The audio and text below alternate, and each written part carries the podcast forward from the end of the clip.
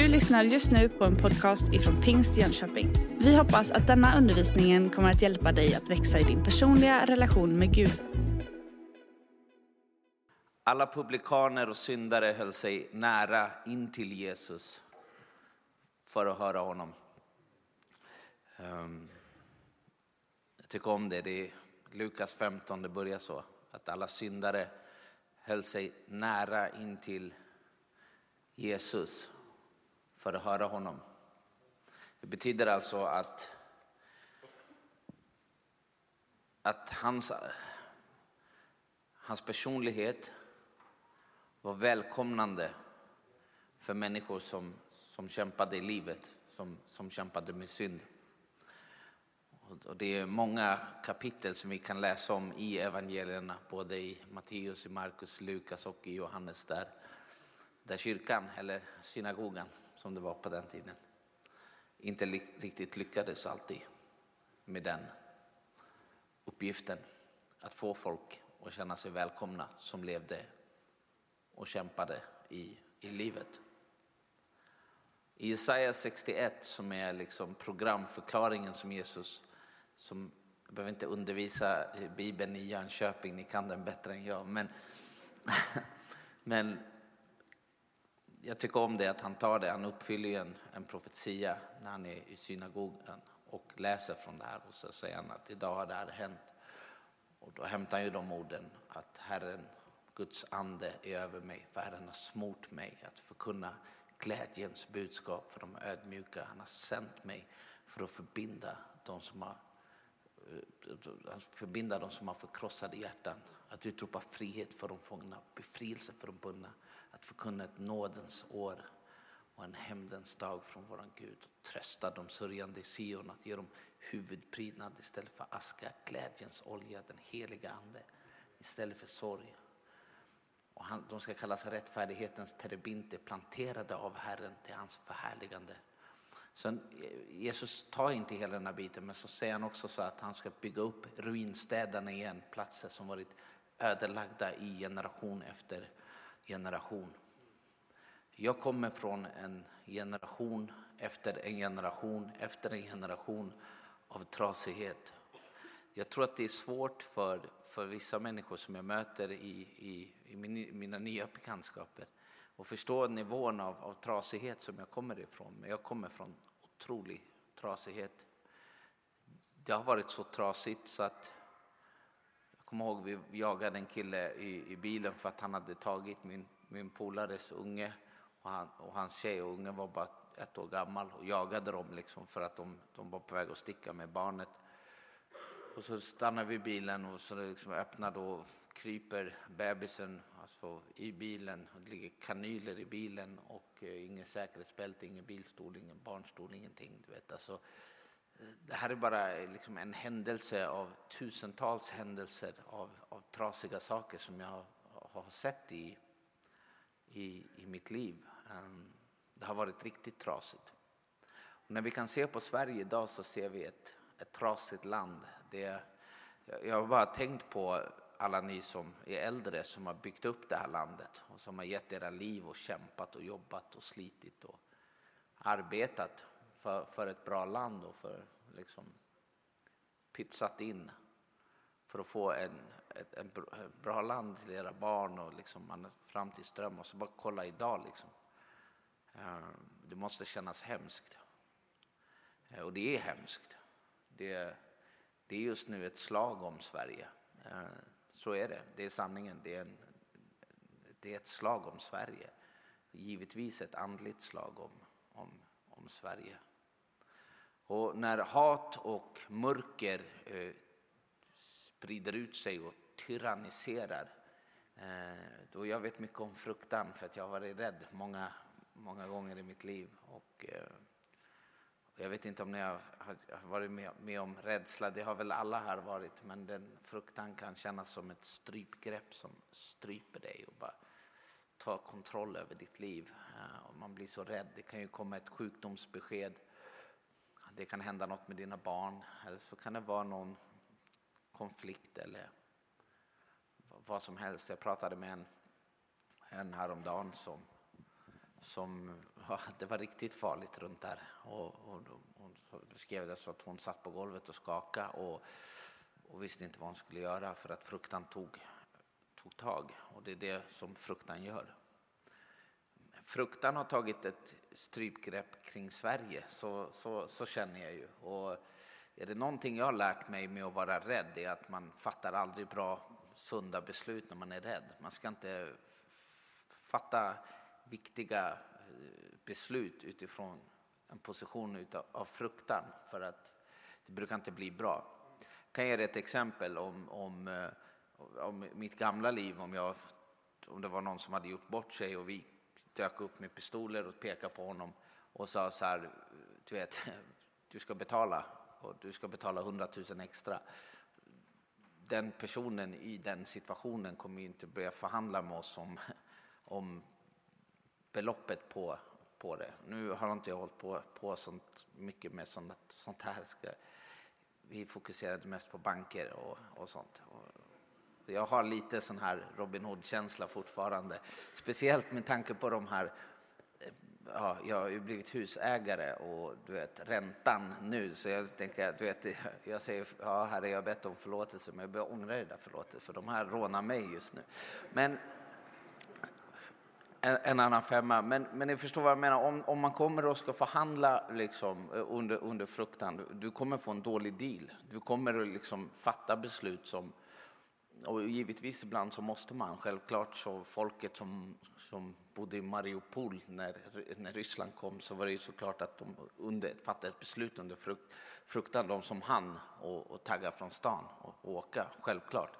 Ibland så fattar vi beslut om man är frukt, lever i fruktan. Men, men vi, vi är som sagt, det är ett, ett slag över Sverige just nu. Och, eh, eh, många av våra politiker lever i verklighetsfrånvända också för, på grund av att man måste förstå liksom med, med, med, politiker också att de, och precis som med allt annat, de handlar i sin lilla värld. Förstår? Deras värld eh, är långt ifrån liksom, utryckningspolisernas värld i Stockholm som ser där här liksom, problemen i vitögat varje dag. Och därför så, så fattas det ibland, och jag använder inte den här för att prata om politik, utan jag pratar om fruktan. Jag ska bara göra en poäng här att Ibland så kan vi också som människor vi kan fatta beslut utan att riktigt ha alla fakta på bordet och, och då drabbas vi eh, många gånger av fruktan och rädsla och så, så behöver vi leta efter eh, ja, lösningar och sånt där. Men om vi går tillbaka till vad vår Herre Jesus eh, gör så, så är ju Herren inte ett dugg rädd för mörker. Ljuset är inte rädd för mörkret. Det är mörkret som är rädd för ljuset. För ljuset lyser i mörkret och mörkret har inte övervunnit det. När Jesus mötte mig så var jag i en, i en position där, där, där ja, jag var ett problem, jag, jag var en del av det här mörkret. Och, och du vet. Men med den kärleken och nåden som, som Herren visade mig, helt oförtjänt. Jag förtjänade ingenting. Jag har inte förtjänat någonting av det han har gett mig, utan det har varit en gåva från Gud. Det har varit en obeskrivlig nåd. De gångerna jag kan uppleva att, att Herren är arg på mig, du vet, de gångerna jag kan, för att han är en god fader och en god fader fostrar sin son. Och mig får han fostra mycket. Men ofta så är det när, när, när, jag, när jag blir väldigt dömande. Så det är då han brukar säga till mig, kom ihåg vart du var när jag hittade dig. Ehm, min andliga mentor Leif Holstad som grundade Marita-stiftelsen i Norge som nu är hemma hos Herren. Han sa, ska du inte visa människorna samma nåd som du själv har fått? Um, när du förstår hur mycket nåd du har fått så, så när, när du har levt i helvetet som är ett kokainmissbruk till exempel då, och bara återfalla och återfalla och återfalla och återfalla gång på gång på gång och aldrig liksom lyckats ta dig ur och såra din familj, såra alla du älskar. Och du hatar dig själv till den graden att du önskar livet ur dig själv. Du vill inte välja att leva, du vill, du vill dö för att du orkar inte leva med dig själv på grund av att du hatar dig själv så mycket. Mikael pratade om skam innan, det är, det är ju det, skammen av alltså, du vet, skuld. Eh, och skam. skam alltså det, det, skuld kan vara bra att känna. Om du har gjort fel så känner du en skuld och tänker så här. Om man vill säga att jag har lånat 500 spänn av Markus och inte betalat tillbaka dem, då har jag en skuld till honom. Och då, om jag går och betalar tillbaka dem så, så, så är det en bra sak. Men om jag känner att jag, alltså skam, då är ju skam, skuld är vad jag har gjort och skam är vad jag är. Och om jag känner att jag är fel som människa, alltså, alltså att jag är inte värd att älskas, jag är, jag är en dålig människa, jag har gjort fel och du vet hela tiden känner den här skammen över vad man är. Det är inte bra att leva så. Jag har levt så i så, så många år. Och då, då ska vi gå tillbaka till, ja, vi fick höra undervisningar från Mikael och han, han började på första Mosebok kapitel 1 och sen var han även inne på kapitel 3 och, och och där kommer ju frestaren in, djävulen. Och frestaren kommer in och frestar oss. Och, och när vi har, han har frestat oss att falla i synd så kommer han fram och anklagar oss. Och, och det är också en, en, en, en, sak som, som, som ekar över Sverige just nu. Anklagelse och fruktan. Anklagelse och, och fruktan. Jesus är ju inte, är ju inte rädd för Sveriges muslimer. Han, han är inte det. Han är inte rädd för, för uh, extremhögern, han är inte rädd för extremvänstern. Han är inte rädd för någonting där mittemellan. Jesus, du vet, det är, ingen som har ett, det är ingen som har mött Jesus som har ett problem med Jesus, förutom om du är en demon. Liksom. Då, då har du problem med honom. Men det är ju de här, du vet, eftersom världen är full av ideologier och, och, och tycker och tänker så det är, det är ofta presentationen som vi gör av, av Jesus som folk kan ha ett problem med. Men jag har aldrig sett någon ha ett problem med Jesus som har mött Jesus. Inte en enda gång. Alltså, utan när folk får möta, möta honom, möta, möta den nåden och den kärleken som strålar från hans hjärta, då, då skakar man. För han är Gud. När människan står framför Gud och möter Gud på riktigt, då skakar man. Då får man Guds fruktan. Men vi kan inte framkalla Guds fruktan i mänsklig kraft. Det där var bra sagt. Det, där, det har jag aldrig sagt förut, men det där tänkte jag, jag bara, fick en så här aha-mänsklig, men det är sant ju, det är så. Vi kan inte generera Guds fruktan med liksom argumentation och, och pekfingrar. Och, eller hur? Har jag rätt Hans? Ja, det har jag faktiskt. Eh, men nej men, alltså det, Guds godhet är så extrem. Och jag ska berätta en händelse som, som hände för ett litet tag sedan. Då var, eller ett, ett litet tag sedan var snart ett år sedan. Men det var när en, en av de här liksom riktiga våldsvågorna bara bröt ut i, i Stockholm och det blev kaos i, i Stockholm. Eh, början av 23 och eh, det var en kille då som, som ja, han hamnade mitt i all den här skiten och, och försökte hjälpa honom. Eh, och ja, men hjälpte honom och sådär och bara varit schysst liksom. Eh, och sen en dag så, så hade han tagit återfall och eh, så hade han varit med om massa traumatiska saker så han var ju han var inte på en bra plats. Så han ringde upp mig i alla fall och så, så, så, så det var sent på kvällen när jag bara ska svara liksom. Så jag svarade hallå och så, så började han hota mig och säga så jag kommer att skjuta dig, jag kommer termosbomba ditt hem, du vet. Och, du ska tänka det här, den, den här tiden också, du vet, det var lite så här det fanns ju substans i det om man säger så. Liksom. Och det var, det var tungt. Och jag, jag bara pratade med honom så här lugnt och han bara fortsatte och fortsatte. Det var så här. Och det var, jag kunde känna verkligen att det var, det var så demoniskt samtal. Och jag kände det här du vet, strypgreppet. Och, och så, så, så vill ju köttet igen eh, du vet, säga något och det är att egot igen vill säga något och stoltheten vill säga något. Och sen, du, vet, du vet inte vad du ska göra, du vet inte vad du, vad du ska ta vägen. Och, men, men i den situationen så, så kom Guds ande bara. Liksom. Och, och, trots att det var så jobbigt så, så var Herren ändå med så att jag höll en, ett lågaffektivt bemötande som det heter i behandlingsvärlden. Och alla som känner mig från gamla tiderna vet att det var inte min största styrka i en sån situation. Utan Eh, men det var ett låg, för att den heliga ande kan ge oss ett lågaffektivt bemötande när människor beter sig, ja, Det är, bara att kolla på våra pastorer, de är grymma på det. Ehm, men när, efter det här samtalet så visste jag ju inte om jag skulle väcka familjen, sätta dem en taxi till ett hotell och du vet, säkerhetsåtgärder. Jag visste ingenting liksom vad jag skulle göra. Så jag, kom, och då, jag var helt krossad i mitt vardagsrum. Familjen låg och sov och jag bara kastade mig på mina knän, den bästa platsen för att, för att, att vara på. Och så knäppte jag mina händer. Och, och så först började jag be om att Gud skulle hjälpa mig. Så upplevde jag den helige Ande bara vända skutan. Och så började jag be för honom. Och jag började be för att Gud skulle, skulle möta honom där han var och du vet, rädda honom från det här mörkret. Och du vet, alltså det var, och jag, under tiden som jag ber så vet jag ju liksom teologiskt och i, mitt hjärta vet jag att det är rätt, men jag tänker ändå i mitt liksom, halvskeva huvud så här, jag bara, det här är helt sjukt, hur kan jag be för den här snubben? Du vet, alltså, det här är verkligen helt sjukt. Gud måste verkligen ha frälst mig. Så det är så här, du vet. Uh, ja. Och då tänkte jag, men jag blev, man ska inte vara stolt över sig själv, men jag blev lite stolt över mig själv där. Du vet, jag tänkte så här, det här är verkligen, jag tyckte det var en häftig upplevelse, alltså, fast den var hemsk också. Och så till slut så vaknade jag och så vaknade jag upp med den här oron och så här, oj, du vet, ska det komma någon, ska det, ska det smattra på huset, vad ska hända liksom idag liksom?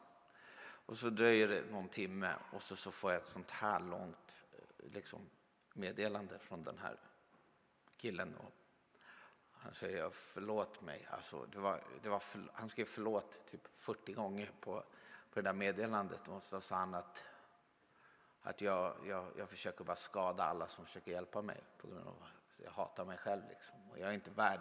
Du, du är värd. Du har bara försökt hjälpa mig. Du är värd mycket bättre. Ha inte med mig att göra. Och du vet, jag, mina tårar bara började liksom, jag bara tackade Jesus direkt och sa så här, wow, Herre du kan, du kan göra det här. Liksom. Det, och då kom nästa så här, för att jag upplevde att den anden bara, vad, vad ska du göra nu då? Och då så ringde jag och då tänkte jag, vad gjorde jag när jag var i den här situationen? min farsa tog ett banklån och skickade mig på Hattens behandlingshem i Älvsjö. Jag bara, den här killen behöver ett behandlingshem. Så jag ringde till, till Mickey och så sa jag så här, Micke har du plats? Och så sa han, men jag, jag fixar den. Jag fixar en plats, det är fullt egentligen, men jag fixar en plats. Så, så ringer jag till honom och säger, du, vill du ha en behandling? Och så sa han, ja, jag måste ha en behandling om, om jag ska klara det här. Och så, så, ja, och så löste vi det i alla fall. Och så fick jag ta honom i, liksom, och gå in med honom i det där behandlingshemmet. Och idag så, så har han liksom han, han, har, han är pappa, han har fått ett barn, han har ett jobb, han har lägenhet, han har hållit sig, han går på tolvstegsmöten, han går i kyrkan. Du vet, och bara tänk så här, alltså vilken, alltså vilken bild på, på det här Sverige. Och då, du vet, sådana här saker ser jag hända. Många av de här människorna som, som, som, som har gjort rubriker och sådär har jag också suttit och bett med. Förstår du? För att det är ju så här att det man ska komma ihåg är att Herren i det där mörkret, djävulen, det är han som är Herren, det är han som är bossen och det är han som styr och ställer. Och, och det, alla är ju bara slavar och det vet man ju om man har gått i mörkret så vet man ju att det är inte det är inte du som bestämmer. Det är inte liksom, det är inte någon gängledare här eller det som är liksom makten bakom det där utan det är ett mörker, förstår du?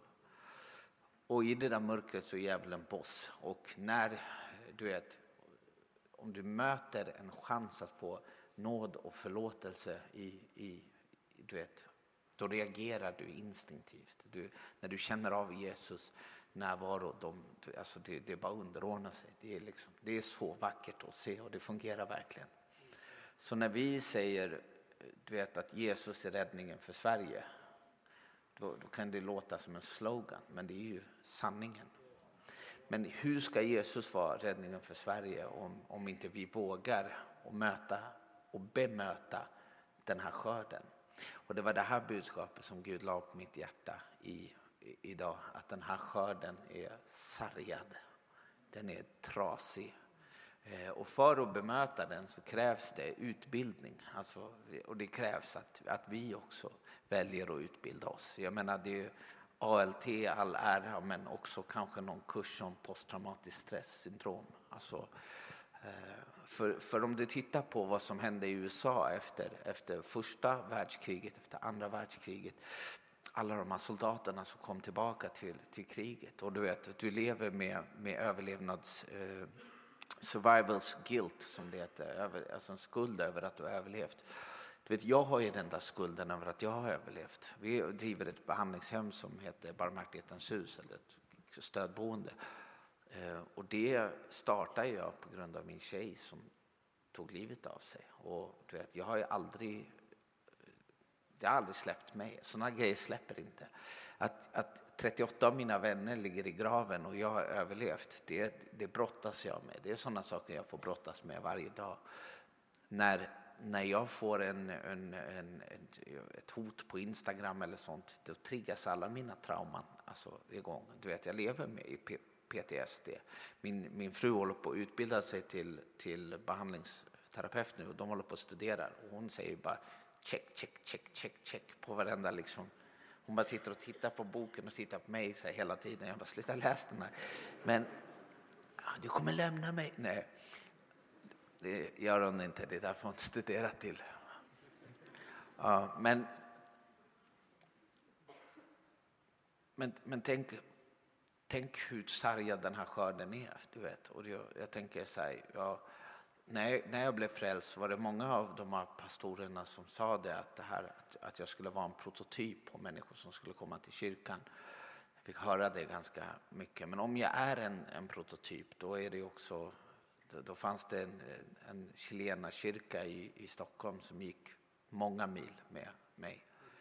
Eh, många, många, många, många mil med mig och, och, och, vi var huvudvärk. Liksom. Men de här chilenarna tog ju hand om du vet, oss, mig, Bets och, Flavia och många av oss jobbar ju, alltså det, det är investeringar man gör för framtiden.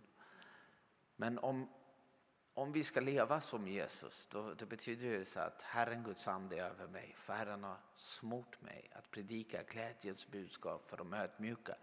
Och då ska vi komma ihåg att ödmjukhet där, det är ju inte att man lyckas vara öd, alltså du vet, kolla vad ödmjuk är jag, utan ödmjukhet det är att böja sig inför Gud och det är det människor gör i nöd. När jag fick det där samtalet och kastade mig på knäna, jag var livrädd, jag var liten i mina egna ögon och jag sökte någon som var stor i mina ögon. Och det är ödmjukhet. Det är inte öd, det, det, så att du, du, kanske ser värsta gangsten här ute i Jönköping och, han kommer, och det kanske han, han som är först och kommer böja sina knän inför Gud på grund av att han vill fly ifrån den situationen han lever i. Om, om du tittar på varför började alla de där Vietnamsoldaterna att ta heroin? Liksom? För att om vi, om, om, om, om vi hör någon som börjar prata om liksom incest här eller någonting, vad, vad som helst. Det är ett jobbigt ämne. Uff. Det där pallar inte jag, förstår du? Alltså, jag pallar inte att höra på det här. Om jag hör någon granne som, du vet, eller du vet, bara att gå och besöka någon som man vet ska dö är jobbigt för att det är så här, uff, det här är jobbigt. Vi instinktivt vill lämna trasiga situationer, det är så vi funkar som människor. Vi vill inte se det där, utan man vill låtsas som att allting är bra. Du vet.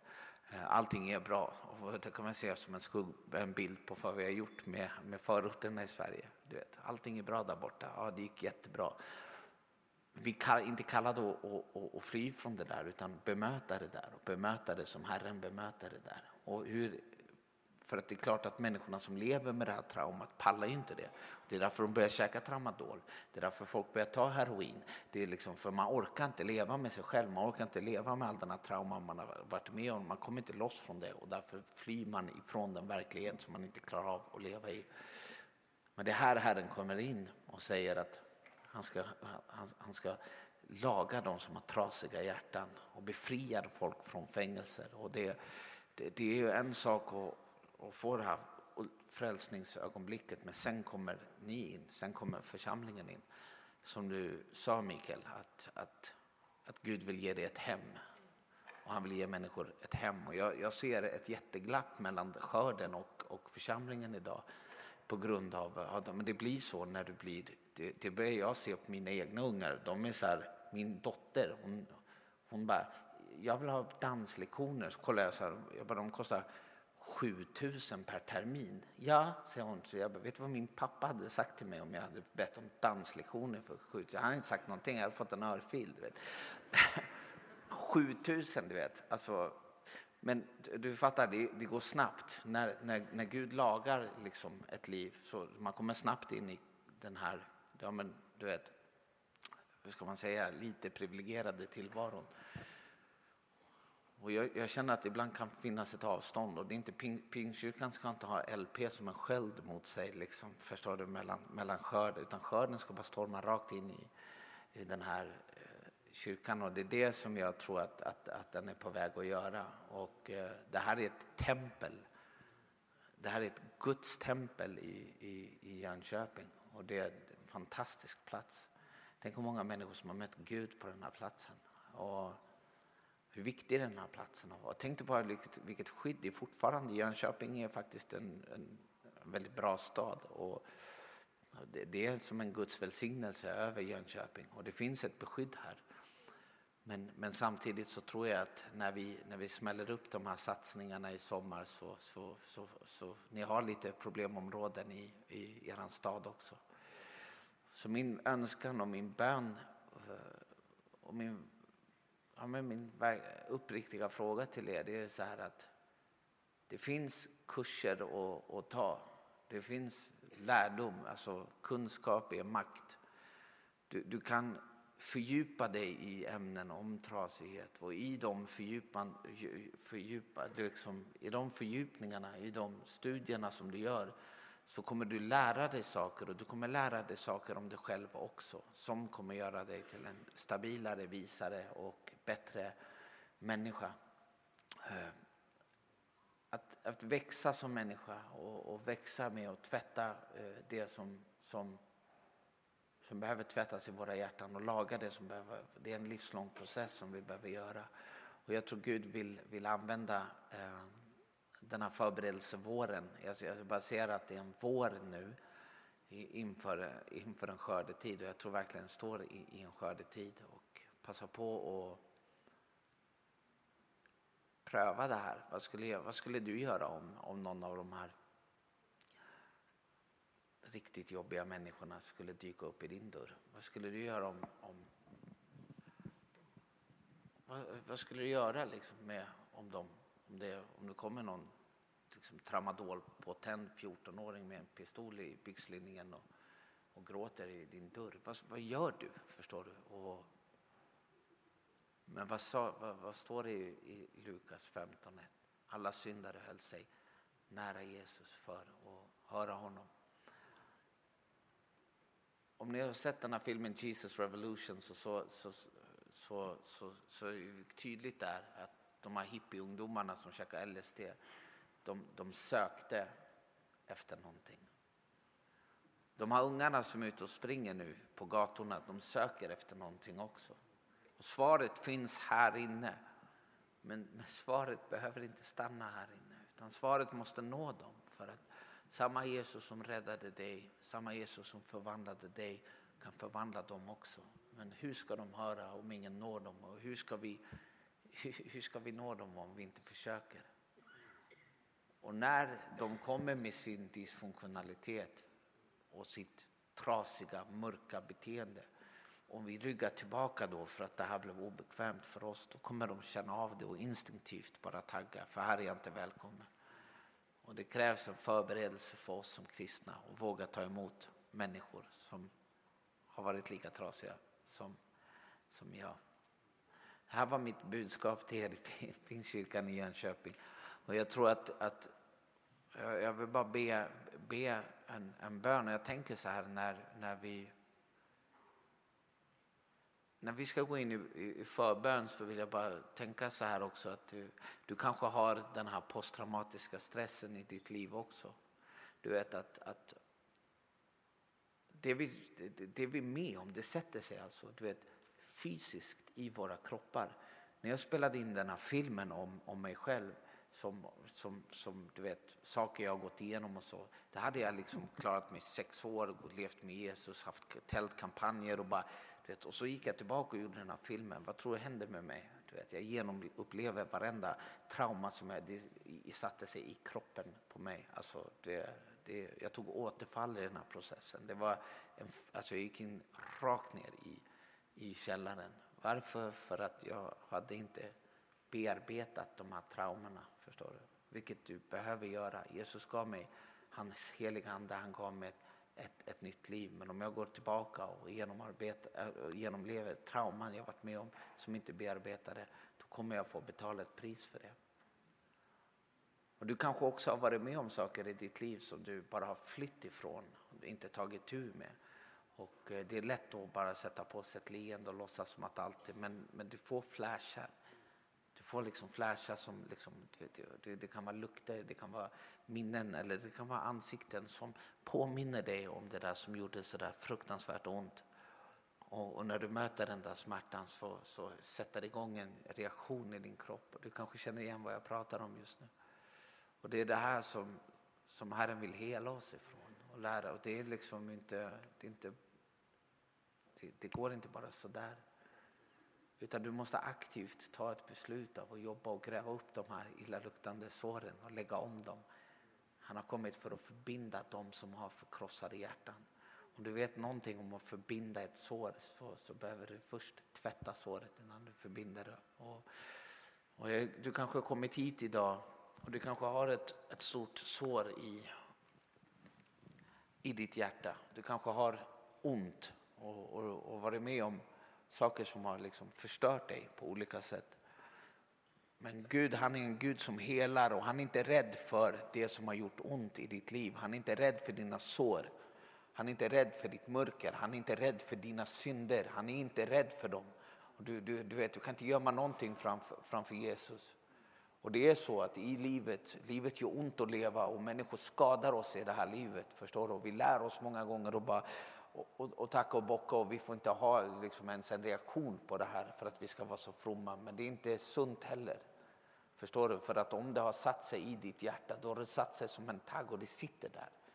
Och du, du, kommer kanske bemöta, och någon annan människa kanske gör en tiondel mot dig av vad den personen gjorde mot dig. Men kommer, du kommer behandla den, den människan som gör det, de 10 procenten mot dig på samma sätt. För det kommer väcka den här reaktionen förstår du, av det som du inte har bearbetat i ditt liv. Så när han pratar om frihet för de fångna och befrielse för de bundna. Ja, du kan vara bunden i bitterhet, du kan vara bunden i trauma, du kan vara bunden i oförlåtelse och du kan vara bunden i skam. Alla de här sakerna vill Herren lösa dig ifrån. Det är inte en enkel sak att göra. Det är inte, det, det, det, det, det är inte en lätt sak, men det är som jag brukar säga att ingen minns en fegis. Och de här stenarna eh, som, som är här, du kanske ska släppa en sten som du har mot någon, kanske någon som har sårat dig och du har bara tänkt jag sa till, till pastorn här att han borde ha så kravallhjälm här för du vet aldrig vad det, folk tänker om pastorn i kyrkan. Du vet. Men kasta inte dem på Markus. Markus är en underbar människa. Utan om du har en, en om, om, du har en, en om, om, du har, alltså du vet. Jag vill inte förlåta den där människan. Jag är arg på den där människan. Eller så, jag har förlåtit men. Du vet, men då har du inte förlåtit om du säger men efter. Om du behöver släppa någonting här idag. Eh, eller om du behöver bli helad. Eller om du behöver samla mod för att faktiskt be om hjälp för att ta upp det där som känns så svårt att prata om. Men som bara kommer och spökar hela tiden i ditt sinne och i ditt huvud och som du inte liksom blir fri från. Låt inte det där ha makt över dig. För Gud är allsmäktig och han kan lyfta saker. Han kan hela ditt hjärta. Han kan komma med förlåtelse, han kan komma med nåd. Han kan hela det. Men inte om du fortsätter fly från det. Utan man up, och, eller woman up eller vad man ska säga. Och, och ta itu med det som har gjort ont. För du vet när du känner dig förlåten och när du känner dig fri. Då, då, då är det lätt att visa andra människor nåd. Vad de än kämpar med och då blir det lätt för människor att komma in i, de här, i den här byggnaden och för er att komma ut dit. Du har just lyssnat på en podcast ifrån Pingst Jönköping. För att få reda på mer om vilka vi är och vad som händer i vår kyrka så kan du gå in på pingstjonkoping.se eller följa oss på sociala medier via pingstjkpg.